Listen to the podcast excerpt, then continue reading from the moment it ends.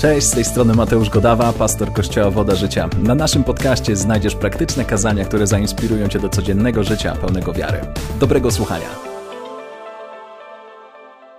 Dzieliłem się z Wami takim słowem, które zatytułowałem jak? Pamiętaj, kim jesteś. Pamiętaj, kim jesteś. No więc ja chciałem Ci przypomnieć, kim jesteś, i o tym będziemy mówić, e, ponieważ Ty i ja jesteśmy dziećmi Bożymi. Pamiętacie to? 1 Jana 3, 1 mówi tak: Patrzcie, więc Ty musisz spojrzeć teraz. Spójrz na siebie. Patrzcie, jaką miłość okazał nam Ojciec, że zostaliśmy nazwani dziećmi Bożymi i nimi jesteśmy. Jak wielu z Was wierzy i utożsamia się z Chrystusem? Ręka do góry.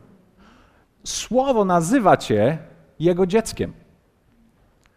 Słowo nazywa Cię Jego dzieckiem i to nie tylko, że Cię nazywa, teraz masz takie imię, o kim jesteś, no jestem Bożym dzieckiem. Naprawdę nim jesteś. Naprawdę jesteś Jego dzieckiem. Galacjan 3,26 mówi z kolei tak, albowiem wszyscy, uwaga, wszyscy jesteście synami Bożymi przez, przez co? Przez chodzenie do wody życia. Tak? Przez długie czytanie Pisma Świętego, przez e, kwiecistą modlitwę wieczorem, przez bycie dobrym dla wszystkich ludzi. Tak? Tam jest tak napisane? Wszyscy jesteście synami przez to, że dużo dajecie na ofiarę. Wszyscy jesteście synami tylko dlatego, że dobrze znacie się z jakimś proboszczem, pastorem, biskupem, ewangelistą. Tam jest tak napisane? Nie, jest napisane, albowiem wszyscy jesteście synami Bożymi, nie dlatego, żeście sobie za zapracowali, ale dlatego, żeście uwierzyli w Jezusa Chrystusa. I to ciebie i mnie stawia w miejscu, gdzie jesteś Bożym dzieckiem. Pamiętasz, kim jesteś? Nie jesteś jakimś wyznawcą, nie, nie jesteś po prostu jakąś, jakimś członkiem zboru, jesteś Jego dzieckiem. Powiedzieliśmy również, że jesteśmy nowymi stworzeniami, jesteś nowym człowiekiem. Czy wiesz, że odkąd uwierzyłeś w Chrystusa i utożsamiłeś się z Nim, stałeś się nowym człowiekiem? Spójrz na swoją rękę albo na jakąś część swojego ciała i zobacz. Jest napisane, wszystko stało się nowe. No i tak patrzysz, to się nie stało nowe. Tak? Te same zmarszczki są, co były wcześniej, może nawet i więcej. To nie jest nowe. Teraz pomyśl o czymś przyjemnym, na przykład o dzisiejszym obiedzie. Mm, te wszystkie wspaniałe emocje. To też nie stało się nowe. Twoja dusza nie stała się nowa, Twoje emocje, wola to nie jest nowe. A teraz pomyśl o swoim duchu. Tak, że patrzycie tak. Jak się do tego w ogóle odnieść? No właśnie, to jest ta część, w której zostałeś stworzony absolutnie nowym stworzeniem. To jest część, która jest nazwana Bożym dzieckiem. Absolutnie święta, absolutnie czysta, absolutnie dobra, przyjęta przez Boga. I kiedy Bóg patrzy na ciebie, właśnie patrzy na ten fragment ciebie, na to absolutnie nowe i święte stworzenie, które wygląda jak Chrystus. Więc jesteś nowym stworzeniem. Powiedzieliśmy również, i słowo to również mówi, że przez wiarę w Chrystusa również staliśmy się Bożymi przyjaciółmi. Czy wiesz, że Bóg patrzy na ciebie i myśli sobie, ale mój friend jest ekstra. To jest mój przyjaciel, z którym chcę dzielić życie. Niektórzy patrzą i myślą, że o, Bóg jest taki daleki. Bóg nie jest daleki. On jest bliski. I on mówi: Chcę być Twoim przyjacielem. Chcę powiedzieć Ci o przyszłości, o Twojej przyszłości. To nie jest Bóg, który chce po prostu bawić się Tobą i kazać Ci robić rzeczy. To jest Twój przyjaciel i on nazywa Ciebie swoim przyjacielem również. Myśl, z którą dzisiaj chciałbym zacząć i która będzie nam towarzyszyć przez najbliższe kilka minut, to jest taka. Kiedy Ty identyfikujesz się z Chrystusem, Bóg identyfikuje się z Tobą. To jest coś, co dzieje się, kiedy Ty rozpoznajesz siebie w Chrystusie. Kiedy uwierzyłeś w Niego, to nie stałeś się po prostu teraz wodożyciowcem. O, gdzie chodzisz do kościoła? No teraz chodzę do wody życia. Nie, nie, nie. To nie chodziło o tożsamianie się z jakąś parafią, z jakimś lokalną społecznością, tylko, bo jest coś więcej i to więcej to oznacza, że jeżeli ty identyfikujesz się z Chrystusem, to teraz Bóg identyfikuje się z tobą. No ale wiecie, jak to jest, nie? My tak dużo słyszymy o tym i w, w kościołach często o tym, e, o, o, tym mówimy. Wiecie, o, ja odkąd jestem w kościele już e, ponad, ponad 20 lat, bo wyrosłem w społeczności wierzących, zawsze słyszałem, że jestem Bożym dzieckiem, ale jest jedna rzecz, kiedy o tym słyszysz, ktoś ci o tym mówi, a druga, kiedy, kiedy to naprawdę jest coś, w co ty wierzysz. Tak? Ja mogę słyszeć, że jestem dzieckiem Bożym, ale ja nie do końca mogę, muszę w to wierzyć. I mogę żyć, nie wierząc w to, że jestem Jego dzieckiem. Ponieważ każdy człowiek, ty i ja, my wszyscy żyjemy według jakiegoś obrazu Boga i obrazu siebie samych, których nosimy. Okazuje się, że Bóg może cię kochać. Jego słowo mówi, że jesteś Jego dzieckiem. A ty chodzisz z miną podkuloną, z ogonem podkulonym, boisz się Boga tylko dlatego, że ty masz taki obraz Jego. Więc nad tym obrazem musimy popracować, bo słowo nam mówi, to żeśmy zaczęli mówić w zeszłym tygodniu, Efezjan 4:22, o pewnej praktyce dla wszystkich ludzi wierzących, którzy podążają za Chrystusem. Twoja i moja praktyka polega na tym: zewleczcie z siebie. Macie swoje Biblię? Czy wierzycie mi na słowo, że ja czytam słowo? Bo oni też mogą wyświetlać coś innego. Ja nie wiem, co oni wyświetlają. Mam nadzieję, że macie swoje Biblię, że możecie notować i rysować w niej. Tylko nie za mocno, żeby wam później nikt nie zwrócił uwagi. A, propos, kiedyś jak byłem, e, byłem mały i miałem Biblię pokolorowaną, bo zaznaczałem sobie fragmenty i pamiętam, przyniosłem na jedną z lekcji religii, to ksiądz dał mi po głowie. Dlatego, że zobaczył, że powiedział mi, że nie można dodawać nic do Bożego Słowa. A ja sobie tylko podkreśliłem. No więc tak mi się przypomniało. Musicie mieć swoje Biblię, koniecznie, żeby zaznaczać wszystko, co w niej jest dla was ważne. Zewleczcie z siebie starego człowieka wraz z jego poprzednim postępowaniem, którego gubią zwodnicze żądze. I zobaczcie, odnówcie się w duchu umysłu waszego, w tej części waszej, w waszym zrozumieniu, widzeniu, poznaniu, a obleczcie się, dzięki temu będziecie się w stanie ubrać w nowego człowieka. Zrozumieć, że jesteście nowym stworzeniem który jest stworzony jaki? W sprawiedliwości i świętości prawdy. To oznacza, że jako ludzie wierzący musimy się nauczyć ściągnąć naszego starego człowieka, który nam przypomina obraz Boga, być może który jest daleki, obraz, który jest groźny, ściągnąć obraz, który nam mówi, że jesteśmy beznadziejni, że jesteśmy nikim, jesteśmy nic nie warci i nie ma przyszłości dla nas. I dzięki przemianie naszej umysłu zaczynamy rozumieć coś nowego. Dzięki temu, że słuchasz słowa, dzięki temu, że nawet dzisiaj jesteś, być może usłyszysz coś nowego, co pokaże ci zupełnie inny obraz Boga, który możesz nieść i według którego możesz żyć. Teraz to jest bardzo ciekawe. Wiecie, my mamy, okazuje się, bardzo duży problem i dylemat z naszym widzeniem Boga i widzeniem siebie. Kiedy mamy problem z naszą tożsamością i naprawdę zrozumieniem, że jesteśmy Jego dziećmi, wiecie, pojawiają się takie trzy rzeczy, które sobie zapisałem. To jest to, że przede wszystkim ja nie wiem, kim jestem. Nie wiem, co o sobie mam myśleć. Jeśli nie mogę się utożsamić być może z tym, że jestem Bożym dzieckiem, ja nie wiem, o, jak ja mam o sobie myśleć. Często myślimy o sobie źle. Jestem nikim. Jestem nic nie warty. Niczego nie osiągnę. Kto z Was kiedykolwiek miał takie myśli? Nic dobrego mnie nie spotka. Znaczę, albo idziemy czasami w, to, w tą mańkę, znaczę tyle, ile osiągam. Tak? Więc jeżeli potrafię w życiu sobie zarządzić, mogę sobie coś zbudować, albo mogę sobie, nie wiem, na coś pozwolić, znaczy tyle, ile osiągam. Więc to jest tylko chwilowe, nie? No bo pojawia się krach, pojawia się, pojawia się pandemia, wszystko zamykają, więc już na przykład niektórzy z nas nie osiągamy, ale próbujemy ledwo, ledwo, ledwo żyć i więc wtedy my myślimy sobie, ojej, jestem utożsamiony z porażką, jestem utożsamiony z kryzysem. Kiedy nie wiesz, kim jesteś, to pojawia się również to, że my często myślimy o naszej wartości w taki sposób, że porównujemy się z innymi. Pamiętacie? No bo żeby poczuć się lepiej, co musisz?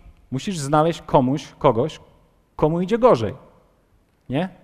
Patrzysz na swoich sąsiadów bezbożnych jednych, nie? Myślisz sobie, no nie, no. W porównaniu z nimi, to nasze kłótnie w domu nie są takie złe. Na pewno Bóg myśli o nas lepiej.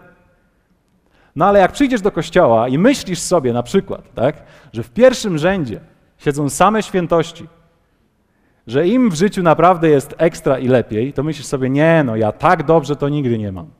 Więc co? Automatycznie czujesz się gorzej. Bardzo ciekawe. Często jesteśmy pogubieni z, na, z, naszą tożsamością i myślimy sobie o tym, że nie wiemy, kim jesteśmy. To jest, to jest takie chwiejne. Nie wiemy, jakie mamy prawa jako ludzie wierzący. No bo teraz tak, Bóg mnie kocha, tak? Na przykład jak się dzisiaj czujesz? W skali od 1 do 10, Czy czujesz się, że Bóg cię kocha? Gdzie, gdzie jeden, dobra, zero, tak? Powiedzmy od zera do dziesięciu, będzie lepiej sobie wyobrazić. Zero to jest Bóg mnie nie kocha, Bóg mnie nie znosi, jestem na pewno Jego wrogiem, a dziesięć jestem Jego najtotalniej lepszym e, dzieckiem. Jaką sobie e, liczbę dajesz? Od czego to zależy? Dajesz sobie pięć? No bo ja nie wiem, więc tak po środku pewnie, nie? Żeby nie być za dobrze, no bo nie będę się przecież wywyższał tutaj, że jestem jakimś tam Bożym dzieckiem, nie? Albo nie tak źle, no bo nie jest ze mną aż tak źle. W końcu wstałem rano, jestem w kościele dzisiaj. Na pewno nie może być ze mną aż tak źle. tak? Ale czy czujesz się na przykład kochany przez Boga? Czy czujesz, że, że On cię kocha? Czy masz prawo do tego, żeby On cię kochał w ogóle? No wiesz, dzisiaj wstałem, czuję, że mnie kocha. Albo jutro wstanę, to nie wiem, czy tak będzie. Czy mam prawo? Na przykład, jeżeli przechodzisz przez jakąś chorobę i nie, nie rozumiesz swojej tożsamości jako Bożego dziecka, to możesz się zastanawiać, czy ja mam w ogóle prawo być zdrowy, zdrowa? Czy mam w ogóle taką możliwość, żeby Bóg zadziałał w moją stronę i pomógł mi w mojej cukrzycy? Czy mam prawo modlić się o mój kręgosłup? Czy ja mam prawo do błogosławieństwa? Czy ja mogę żyć w obfitości? Wiecie, my zadajemy sobie te pytania. Nie wiem, czy wy sobie zadajecie. Ja sobie w większości zadawałem. Nie wiemy, jakie mamy prawa. Kiedy nie wiesz, jakie masz prawa jako jego dziecko, często pojawiają się różnego rodzaju religijne prawa, które próbują cię poprawić. No bo jak nie wiem, jakie mam prawo, to, to wiecie, to, to właśnie robi religia z człowiekiem. Po, próbuje poprawić człowieka od zewnątrz, powiedzieć mu, słuchaj, ty się tylko uśmiechaj, ty mów dobrze, nie? Jak mów dobrze? No jak jest źle, to mów, że jest dobrze. I wtedy wszystko będzie, wydarzy się dobrze. Jak nie czujesz, że cię Bóg kocha, to mów, Bóg mnie kocha, Bóg mnie kocha, tak? Więc próbujemy z zewnątrz sobie jakoś poradzić. Uśmiechaj się, kiedy wchodzisz do kościoła. I później mamy te wszystkie takie, y, takie myślenie, że, że w kościele tylko wszyscy się uśmiechają, a na zewnątrz nie. Nie jest to prawdą. Ale, ale, ale kiedy nie wiesz, jakie masz prawa, to często pojawiają się ludzkie prawa, które wprowadzają cię właśnie w moment, w moment i miejsce zasłużenia i taką próbę cały czas zapracowania sobie na coś. Bardzo ciekawe. To jest bardzo ciekawe również, że kiedy nie, nie możesz rozpoznać i nie widzisz siebie jako Boże dziecko, to nie wiesz, na co możesz liczyć od Boga. Nie wiesz, na co możesz liczyć. Czy ja mogę liczyć na jakąkolwiek ja cię kręcę pomoc od Boga w mojej sytuacji? Czy ja w ogóle mogę na to liczyć? Czy dzisiaj jest znowu kolejna niedziela, gdzie tylko usłyszę coś ciekawego i nic się nie wydarzy? Czy ja mogę na to liczyć? Czy moja modlitwa będzie w końcu wysłuchana, czy jednak nie? Czy znowu odklepię swoje i jednak będzie tak głucho? Echo. Echo. Ale się niesie.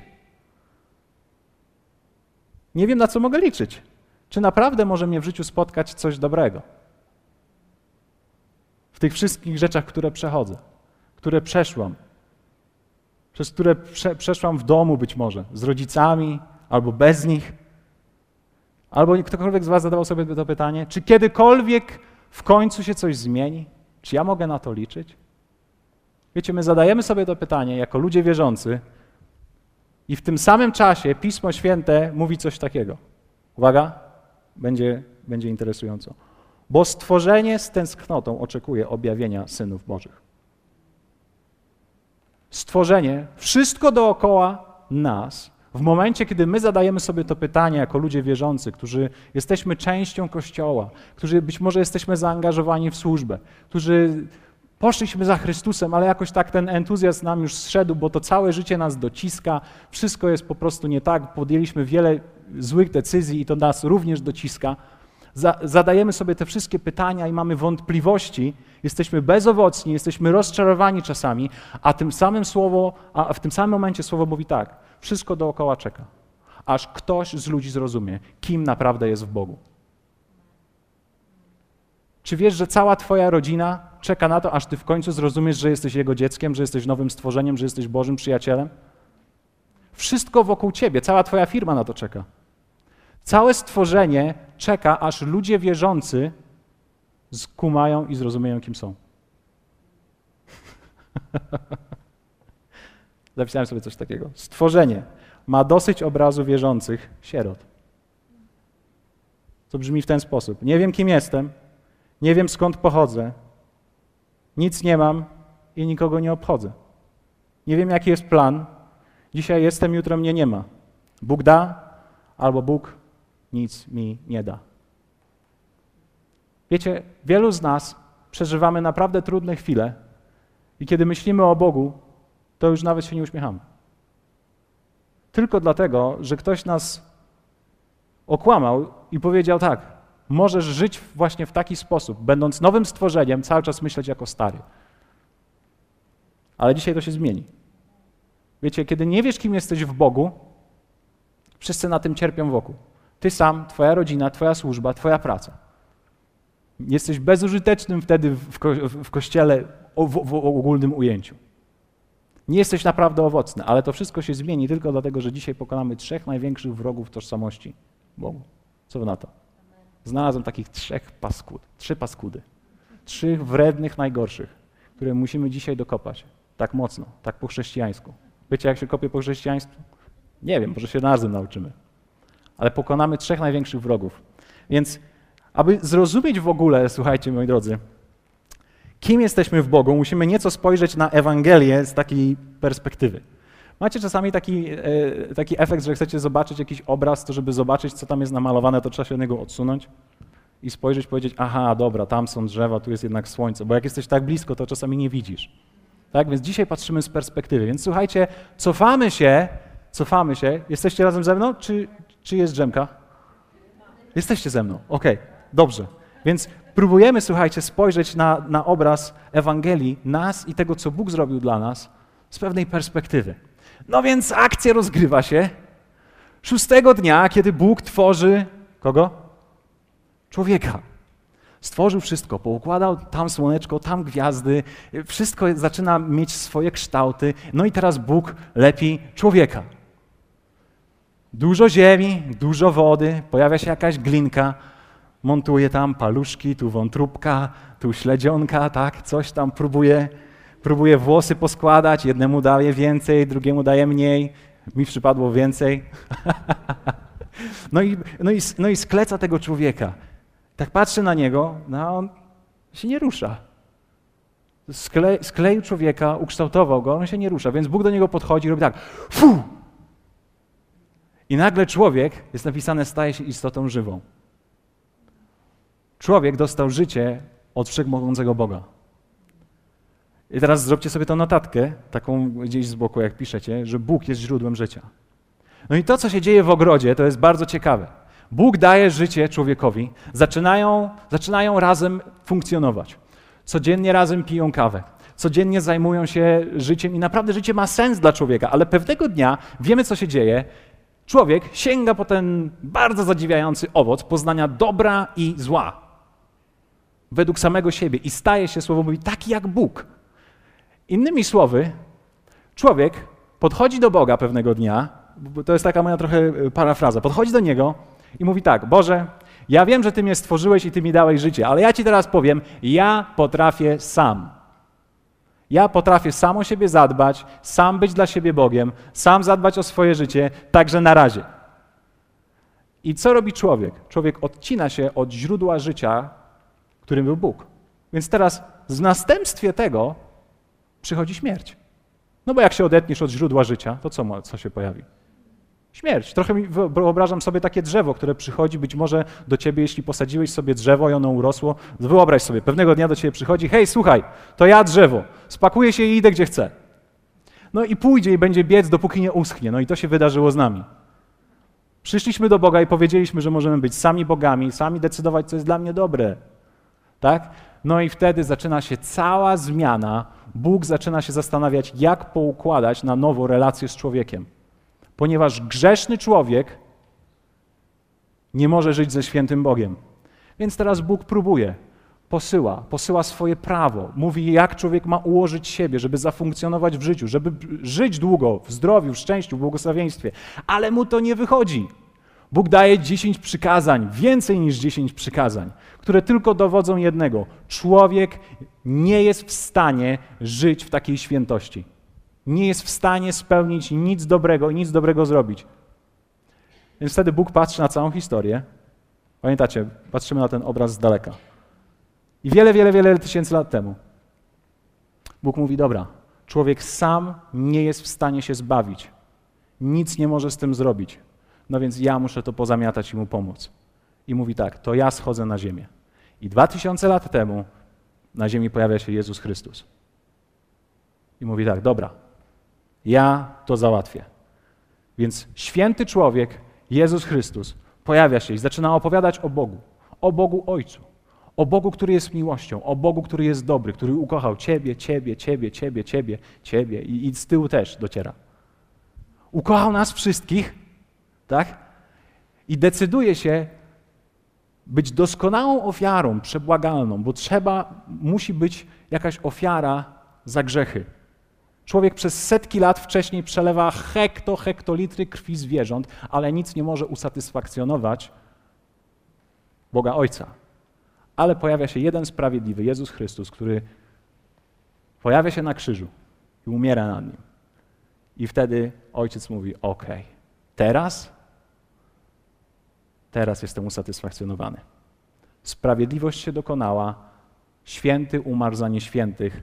Od tego momentu pojawia się coś, co możemy czytać w Galacjan.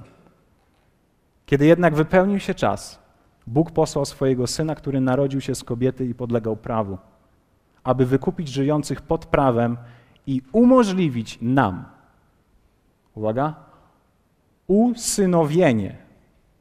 Takie trudne słowo. To jest słowo adopcja. Fajne słowo, ciekawe słowo, inne, trudne umożliwić nam usynowienie, adopcję. A ponieważ jesteście synami, Bóg posłał do waszych serc ducha swego syna, który woła jak? Abba, ojcze. Tak więc już nie jesteś niewolnikiem, lecz synem. A jeśli synem, to za sprawą Boga również dziedzicem. To jest coś niezwykłego. Jezus Chrystus, jako doskonała ofiara, która, który, który był na krzyżu, zaoferował Tobie i mi, umożliwił adopcję do Bożej rodziny. Poprzez Twoją wiarę w Chrystusa dokonuje się adopcja. Bóg mówi: Teraz jesteś moim dzieckiem i Ty wchodzisz do mojej rodziny i nic już tego nie zmienia. To wcześniej nie było możliwe, ale teraz stało się możliwe, ponieważ doskonała ofiara została zapłacona. Nie ma już więcej ofiary. To był Jezus Chrystus. Teraz Ty przyjmując i utożsamiając się z Chrystusem w Jego śmierci i zmartwychwstaniu, sprawiasz to, że Bóg utożsamia się z Tobą jako Jego dzieckiem. To mi przypomina taką historię. Kiedyś jeden chłopiec był wychowywany w sierocińcu i uwielbiał grać w piłkę. Wiecie, on dorastał, był naprawdę utalentowany, ale był, był sierotą, nie miał swoich rodziców, nigdy ich nie poznał. E, kiedy grali mecze, za każdym razem, wiecie, kiedy kończyli, wygrywali czy przegrywali, na boisku pojawiali się rodzice. Wszystkich chłopaków, którzy grali razem z nim. I zawsze brali, brali, go, brali ich pod rękę, a on wracał sam. On wracał sam, tak się nauczył funkcjonować, że zawsze wracał sam, bo nie znał swoich rodziców. Ale to się zmieniło w pewnym momencie w jego historii, kiedy ktoś zauważył go i powiedział: Hej, ja chcę, żeby ten człowiek był moim dzieckiem. Został zaadoptowany przez nową rodzinę, dostał nowe dokumenty, nowe papiery, nowe imię. Nagle już nie był sierotą, miał nowych rodziców. Musielibyście widzieć jego minę na pierwszym meczu po adopcji. Kiedy tylko skończył się mecz, jego nowy ojciec był pierwszy, żeby chwycić go i podrzucić do góry. To samo jest, to jest taki sam obraz, kiedy dzisiaj patrzę na ciebie i kiedy Bóg patrzy na ciebie zostałeś zaadoptowany dzięki wierze w Chrystusa. Kiedy ty utożsamiasz się z Chrystusem, identyfikujesz się z Chrystusem, Bóg identyfikuje się z tobą. To jest, to, to jest właśnie moc Ewangelii, to jest przesłanie. Bóg, który stał się człowiekiem, po to, aby przybliżyć nas do siebie. Jak bardzo różni się to od jakiejkolwiek religii od próby zapracowania sobie, bo ty, ja nie mogliśmy, próbowaliśmy być dobrzy, ale to nam nigdy nie wychodziło. Zobaczcie, Rzymian 8, 15, 17 mówi coś takiego. Nie otrzymaliście przecież ducha jakiego? Niewoli, by ponownie żyć w czym? W zastraszeniu To jest, to jest greckie słowo phobos, oznacza strach, lęk i przerażenie. Ty i ja od momentu, kiedy identyfikujemy się z Chrystusem, jako Boże dzieci nie musimy żyć w lęku. O jutro, o wczoraj, w ogóle bez lęku. To jest coś, co mamy wewnątrz, w naszym duchu jest, jest pewien zasób, który niczego się nie boi. Zobaczcie, lecz ducha usynowienia, w którym wołamy jak? Znowu, Abba, Ojcze. Ten właśnie duch świadczy wraz z naszym duchem, że jesteśmy dziećmi Boga. A jeśli dziećmi, zobaczcie, to i dziedzicami Boga, a także współdziedzicami Chrystusa, jeśli tylko razem z Nim cierpimy, po to, by razem z Nim mieć również udział w chwale. Ja chciałbym Ci dzisiaj powiedzieć i przypomnieć tak po prostu, że Twoja wiara w Chrystusa, je utożsamienie się z Nim, identyfikacja z Chrystusem sprawiła to, że masz Boga Ojca, który jest po Twojej stronie. Masz Boga Ojca, który zostawił Ci dziedzictwo. Zastanawiałeś się kiedyś, czy jest jakiś majątek, który Cię czeka? Może jesteś dzisiaj, myślisz sobie, ja nigdy nie miałem niczego. Chcę Ci powiedzieć, że Twój majątek ma ponad tysiąc stron. I lepiej, żebyś Ty wiedział, co jest w nim o Tobie zapisane. Ponieważ Ty musisz wiedzieć, do jakiego życia Bóg Cię powołał. Ty musisz otworzyć każdą stronę i zobaczyć siebie tutaj i to, co Bóg zostawił dla Ciebie. Zobaczcie, my, no, do nas to tak jakby czasami nie trafia, ale zobaczcie, co Efezjan mówi, apostoł Paweł pisze. O ludziach, którzy uwierzyli w Chrystusa. On mówi tak: Przeto i ja, odkąd usłyszałem o wierze waszej w Pana Jezusa i o miłości do wszystkich świętych, nie przestaję dziękować za was i wspominać was w modlitwach moich, aby Bóg Pana naszego Jezusa Chrystusa, Ojciec chwały, dał wam ducha mądrości i zobaczcie, objawienia ku poznaniu, i zobaczcie, 18. I oświecił oczy serca waszego. To jest to, czego wielu z nas potrzebuje dzisiaj. Oświecił oczy serca waszego, abyście wiedzieli, jaka jest nadzieja, do której was powołał. I jakie jest, zobaczcie, bogactwo chwały jest udziałem świętych w dziedzictwie Jego. Jest mowa o bogactwie chwały. Nie jest po prostu jakieś tak po prostu lepsze poczucie. To jest bogactwo chwały. I jak nadzwyczajna jest wielkość Jego mocy wobec nas, którzy wierzymy dzięki działaniu przemożnej siły Jego. Kiedy czytasz to i byłeś niepewny, czy na cokolwiek możesz liczyć, to zobacz sobie, co Bóg mówi tutaj. Jak nadzwyczajna jest moc Jego wobec Ciebie. Ale żeby doświadczyć tej mocy, Ty musisz zobaczyć, że, że, że jesteś w tym obrazie, musisz zidentyfikować się z Chrystusem. Ponieważ to, czego uczymy się dzisiaj, kiedy Ty identyfikujesz się z Chrystusem, Bóg identyfikuje się z Tobą. Więc Twoja przyszłość jest jasna, Twoja przyszłość jest pewna. Jesteś absolutnie przyjęty, możesz dzisiaj się zrelaksować i usiąść sobie, wow, Bóg mnie pokochał i wszystko jest ze mną dobrze. Jestem nowym stworzeniem, nie muszę się męczyć. Ale wiecie, wiem, że towarzyszą nas myśli. Pewne rzeczy i wrogowie naszej tożsamości, którzy ładują w nas non-stop. Jest ich kilka. Jest ich trzech, tak jak wam powiedziałem. Ale to, co jest niezwykłego dla nas dzisiaj i co, co chciałbym, żebyśmy zobaczyli, to jest to, że od samego początku ludzkości Bóg zawsze przychodził do człowieka, aby go wydobyć z miejsca beznadziei. To się odbywało za każdym razem. Więc dzisiaj może jesteś w takim miejscu, myślisz sobie, może i świat jest piękny dla kogoś, ale nie dla mnie. Chciałbym Ci dzisiaj powiedzieć, że Bóg dzisiaj chce wydobyć Ciebie z miejsca beznadziei. Ciebie z miejsca, w którym myślisz sobie, nic więcej dobrego mnie nie spotka. Jak to jest możliwe? Jak to jest możliwe? Bóg, tak jak przychodził zawsze, tak robi to również dzisiaj. Z tych trzech, tych trzech bardzo niefajnych wrogów, których musimy dokopać, wszyscy razem, ty i ja. Ponieważ myślisz sobie, no dobrze, Bóg może i jest, ale ty nie wiesz, co mnie w życiu spotkało. Ty nie wiesz, jak zostałam zraniona, skrzywdzona, jakie, imion, jakie nazwiska padały, jakie słowa padały w moją stronę. Czułem się jak, jak nikt. Być może myślisz sobie, ludzie mnie zostawili, ludzie mnie zranili, ludzie o mnie zapomnieli, wszyscy o mnie zapomnieli. Jestem sam, jestem sama, nie mam żadnej wartości. Wszyscy mnie skrzywdzili, wykorzystali. Może zostałem, zostałaś zgwałcona, nie wiem. Chciałbym Ci przypomnieć, co się dzieje, kiedy Ty identyfikujesz się z Chrystusem. Ponieważ jest taka historia, o której zapomniałeś, a ja Ci teraz przypominam. To jest z pierwszej Mojżeszowej, werset, rozdział 16. Jest taka postać, która nazywa się Hagar, która została zapomniana. I zobaczcie, co o tym czytamy. Hagar została wykorzystana przez dobrych ludzi. Przez Abrahama i Sarę w sumie, bardziej przez Sarę. Przez ludzi wierzących, którzy dostali jakąś obietnicę od Boga, ale nie wiedzieli, co z nią zrobić. Wiecie, to jest bardzo ciekawe. Często zostajemy właśnie poranieni przez ludzi dobrych teoretycznie. Prawda? Nawet wierzących. Ostatnio we wszystkich mediach społecznościowych pojawia się e, temat zranienia w kościele i tak dalej, że to jest takie powszechne. Tak właśnie się czasami dzieje. Zostajesz potrącony, przejechany, ktoś na ciebie spojrzał, ktoś cię obgadał, ktoś o tobie zapomniał i tak dalej, i tak dalej.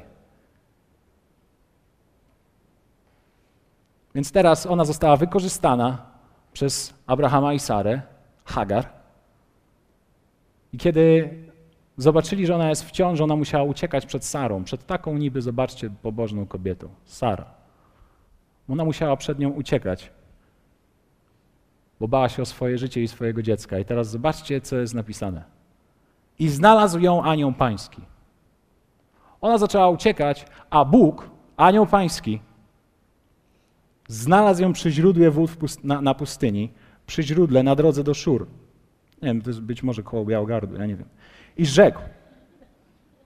I rzekł. Zobaczcie, co do niej rzekł. To, to, jest, to jest tak zadziwiające pytanie. Mówi do niej tak. Hagar, niewolnico Sary, skąd przychodzisz i dokąd idziesz? A ona odpowiedziała, uciekłam przed panią moją. Zauważyliście, o co zapytał ją Bóg w sytuacji, kiedy ona biegła? Zapytał ją, skąd pochodzisz?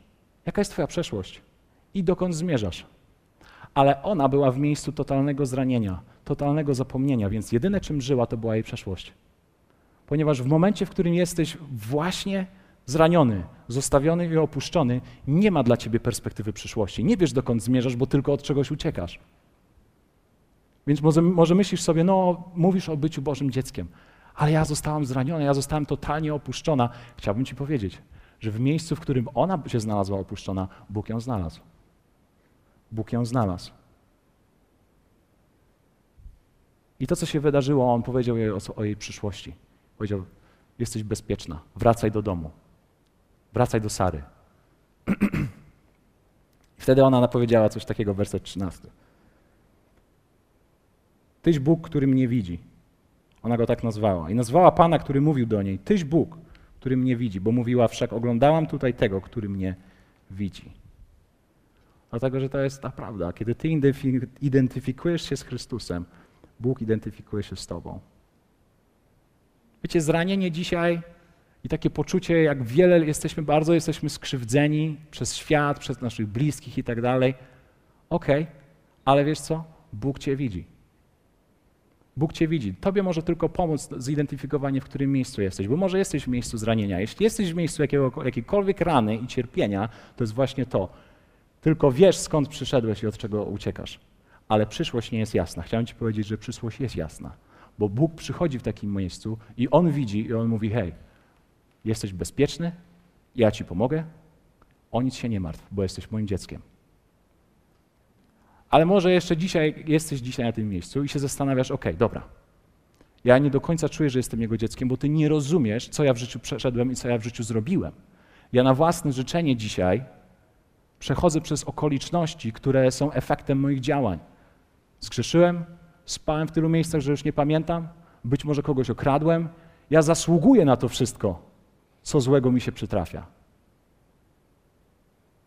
Jak mam myśleć o tym, że jestem Bożym dzieckiem? Chciałem Ci powiedzieć i przypomnieć historię, która również jest w Słowie. To jest historia o pewnym człowieku tak bardzo znanym jak Mojżesz, który został wychowany na księcia w Egipcie.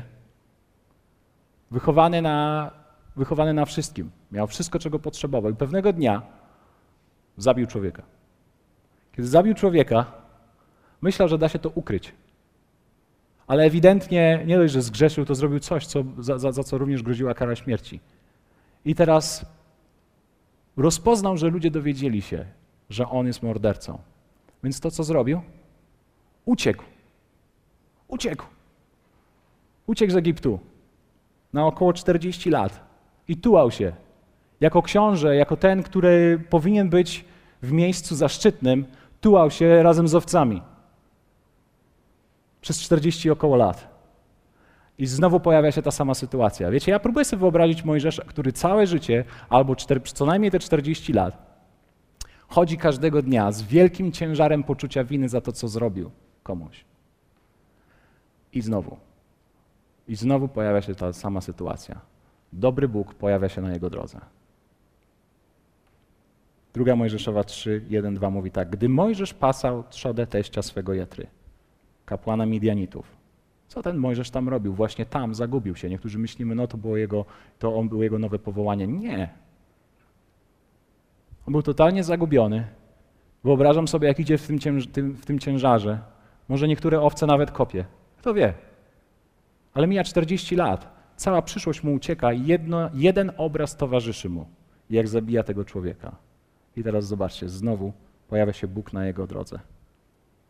Wtem ukazał mu się anioł pański w płomieniu ognia ze środka krzewu i spojrzał, a oto krzew płonął ogniem, jednakże krzew nie spłonął. I wtedy Bóg zaczął rozmawiać z Mojżeszem. Mówi, Mojżeszu, wyprowadzisz mój lud, ja mam dla ciebie plan. A wtedy Mojżesz patrzy na Boga, możecie po tym przeczytać w domu, w swojej, w swojej Biblii. Mówi tak, kimże ja jestem, że mam to zrobić, żeby wyprowadzić twój lud z Egiptu? Kimże ja jestem? Ty nie wiesz, co ja zrobiłem. Wtedy Bóg mówi, nie komentuje tego w żaden sposób, mówi tak, będę z tobą. Więc chciałbym ci powiedzieć, że czasami nasze poczucie winy jest naprawdę okropnym wrogiem naszej tożsamości. Ale również to Bóg przezwyciężył. I On przychodzi do mnie i do ciebie. Bez względu na to, jak nawaliłeś w życiu. Jak bardzo brudno się taplałeś przez swoje lata i jeżeli minął czas, jeżeli jesteś w totalnym poczuciu winy, to on zawsze przychodzi, dlatego że to, czego uczymy się dzisiaj, to jest to, że kiedy ty utożsamiasz się, identyfikujesz się z Chrystusem, Bóg identyfikuje się z Tobą. No i ostatnia rzecz. Ostatni wróg. To są nasze okoliczności, które nas wszystkich dopadają. Czy wiecie, że dobre rzeczy, e, inaczej, że złe rzeczy przytrafiają się dobrym ludziom? Ktoś z Was kiedyś tego doświadczył? Że naprawdę kiepskie i totalnie traumatyczne rzeczy przydawiają się ludziom, którzy są normalni, prawi, którzy po prostu wiernie sobie żyją, nawet wiernie służą Bogu, chodzą do kościoła, co niedzielę otwierają i zamykają kościół, odwiedzają starszych, modlą się o chorych. Nawet do takich potrafi przyjść jakaś trauma. Może pojawić się śmierć bliskiego człowieka, może pojawić się jakiś brak, może pojawić się coś z zaskoczenia totalnie, czasami jakiś wypadek, cokolwiek. I wiecie, kiedy my doświadczamy takiej presji, ciśnienia, wielu z nas chodzi w takim poczuciu, jeny, jest, jest źle, czuje się fatalnie. Okropnie. Jak ja mam się czuć Bożym dzieckiem, kiedy to wszystko mnie tak przyciska? To chciałbym Ci przypomnieć pewną historię, która jest opisana w Daniela. W Biblii. Daniela 3. Mamy tutaj taką historię, gdzie trzech młodych ludzi, dobrych pobożnych, wierzących, tych, którzy ufają Bogu i chcą żyć dla Niego. I tak, tak, ty i ja. Pewnego dnia jest król w mieście, który mówi: Słuchajcie, ja stworzyłem wielkiego złotego posąga. Jak muzyka zacznie grać, to każdy musi paść przed posągiem. I teraz to są ludzie prawi. Oni nie chcą klęknąć przed jakimś Bogiem posągiem. Więc mówią: Nie, my tego nie zrobimy. My klękamy tylko przed naszym Bogiem, Bogiem Najwyższym. I co się dzieje?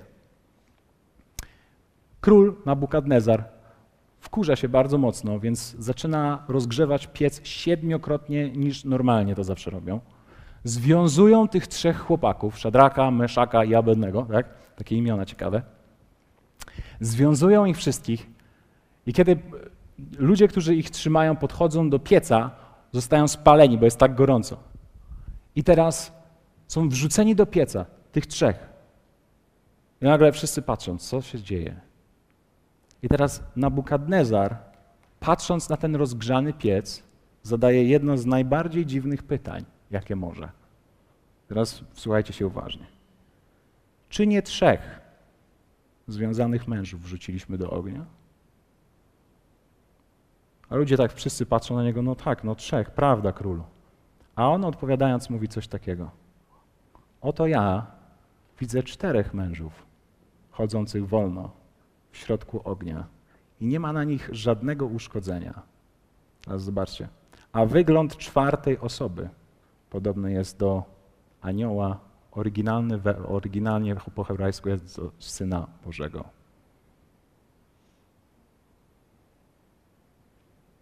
Kiedy ty identyfikujesz się z Chrystusem, Bóg identyfikuje się z tobą. I wiesz co? On zawsze przychodzi po swoich. Ej, Bóg zawsze przychodzi po swoich. Więc tak, jeżeli dociska cię zranienie, On jest tam razem z tobą i On jest tym, który widzi. Jeśli dociska cię twoje własne poczucie winy, On jest tym, który namaluje ci twoją nową przyszłość i maluje ją w Chrystusie. Jeśli dociskają cię twoje okoliczności, On jest tym, który zawsze przychodzi po swoich.